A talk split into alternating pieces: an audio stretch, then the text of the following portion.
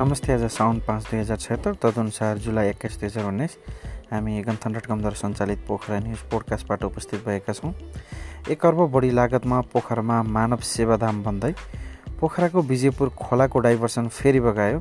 मालबाग सवारी आग आवागमन बन्द र पोखरामा केबल कार विवाद मुआब्जा माग्दै काममा अवरोध।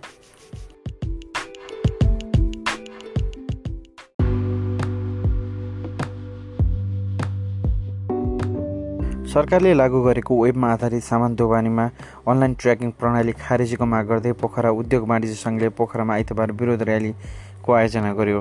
पोखरा उद्योग वाणिज्य सङ्घको सचिवालय गैरापाटनबाट सुरु भएको र्याली पोखराको मुख्य बजार क्षेत्र महेन्द्र पुल चिप्रडुङ्गा गैरापाटनमै पुगेर समापन भएको थियो। र्यालीमा पोखरा उद्योग वाणिज्य सङ्घका कार्यवाहक अध्यक्ष निवर्ता निवर्तमान अध्यक्ष सङ्गठ वाणिज्य सङ्घका उपाध्यक्ष लगायतका विभिन्न पदाधिकारी र प्रतिनिधिहरूको बाक्लो उपस्थिति रहेको थियो। र्यालीमा एक ठाउँबाट अर्को ठाउँमा सामान ओसार पसार गर्दा वेबमा आधारित अनलाइन दुवानी अनुगमन प्रणाली भिसिटिएस तत्काल खारेज गर्नुपर्ने अव्यवहारिक कर नीति फिर्ता लिनुपर्ने र सामान्य मजदुरलाई ज्याला भुक्तानी गर्दा पनि प्यान अनिवार्य चाहिने निर्णय खारेजीको माग गरिएको थियो। व्यवसायीले सो अवसरमा व्यावसायिक एकतामा कायम गरौँ अव्यावहारिक नीतिको डटेर विरोध गरौँ जस्ता नारा लेखेका थिए। इन्टरनेटमा सहज प्रयोग र पहुँच तथा व्यवसाय एवं सरकार स्वयंको क्षमतालाई न नजरअन्दाज गर्दै हचुवाको भरमा ल्याइएको बिसिटिएस अव्यवहारिक मात्रै नभएर नेपालको नीति क्षेत्रप्रति सरकारको अविश्वासको परिणाम भएको ठहर गर्दै पोखरा उद्योग वाणिज्य सङ्घले बिसिटिएसको विरोध गर्दै आएको छ। पोखरा महानगरपालिका वडा नम्बर चौध र छब्बिसलाई जोड्ने पृथ्वी राजमार्ग अन्तर्गत विजयपुरमा रहेको विजयपुर खोलाको डाइभर्सन शनिबार राति आएको बाढीले क्षति पुगेको छ। डाइभर्सनमा क्षति पुग्दा मालबाग सवारी आवागमन बन्द भएको छ। डाइभर्सनभन्दा माथिसम्म बाढी बगाउँदा मालबाग सवारी साधनहरूको आवागमन ठप्प भएको हो। विजयपुरको फलाम चर्किएका कारण दस टनमाथि भार भएका सवारीलाई सोही ठाउँबाट आवत जावत गराउँदै आइएको छ। अहिले पोखराभित्र नै सयौँ ट्रकहरू अल्पत्र परेका छन्। पानीको सतह घटेपछि डाइभर्सन मर्मत गरेपछि मात्र सवारी आवागमन सुचारू गर्ने तयारी गरिएको छ। यसअघि पनि बाढीले गर्दा डाइभर्सनमा राखिएका ह्युम पाइप बगाएको थियो। अहिले भने ह्युम पाइप नबगाए पनि डाइभर्सनमा भने क्षति पुगेको छ। सेती नदीको सेती नदीको किनार तपो तपोभूमि तपोभूमिमा मानव सेवा धाम निर्माण सुरु गरिएको छ। पोखरा पच्चिस हेम्जा स्थित नदी किनार बाबिया तारामा मानव सेवा धाम निर्माण सुरु गरिएको हो। धाम राष्ट्रिय गौरवको योजना मध्य पहाडी लोकमार्ग खण्डले छुन्छ। मानव सेवा धाम नजिकै लक्ष्मीनारायणको मन्दिर निर्माण गरिनेछ। लक्ष्मीनारायण सनातन संस्कार प्रतिष्ठानले उपलब्ध गराएको त्रिसठी रोपनी जग्गामा मानव सेवा आश्रमले मानव सेवा धामको काम सुरु गरेको हो। मानव सेवा आश्रमले अहिले तीनवटा प्रोजेक्ट अगाडि बढाएको छ।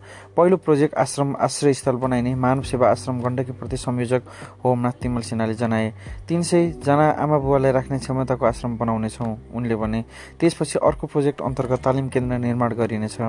आश्रममा परिवार नभएका आफन्त पनि नभएका नितान्त एक्ला व्यक्ति विशेषलाई राखिनेछ। तालिम केन्द्रमा दुई सय पचासजना अटाउने हल निर्माण गरिनेछ। हामीले यस मानव सेवा आश्रमको निर्माण लगायतका विभिन्न सूचनाहरू हाम्रो वेबसाइटमा प्रकाशित गरेका छौँ। हेर्नुहोला गन्थन डट कम। गण्डकी प्रदेशले प्रथम पञ्चवार्षिक पञ्चवार्षीय योजनाको आधारपत्र सार्वजनिक गरेको छ अनि प्रदेशभन्दा पहि भन्दा पहिले नै ल्याएको योजनाको आधारपत्रमा गण्डकी प्रदेशको समग्र विकासको लागि अकल्पनीय यसलाई पुनः सुन्नु होला। गण्डकी प्रदेशको समग्र विकासको लागि अल्पकालीन मध्यकालीन र दीर्घकालीन लक्ष्यहरू समेटिएको छ। योजना अनुसार पाँच वर्षमा प्रदेश विकासका लागि दस खर्ब बाह्र अर्ब रुपियाँ लाग्ने आधारपत्रमा सार्वजनिक गरिएको छ। त्यसै गरी प्रदेशको विकासका लागि सात आधारलाई मुख्य मानेर योजना बनाएको प्रदेश नीति तथा योजना आयोग गण्डकी प्रदेशका उपाध्यक्षले जनाए। गण्डकी प्रदेशको प्रथम पञ्चवर्षीय योजनाको आधारपत्र सार्वजनिक गर्दै आधारपत्र विज्ञ सहित जनसहगा सहभागितामूलक योजनाहरू समेटिएका छन्।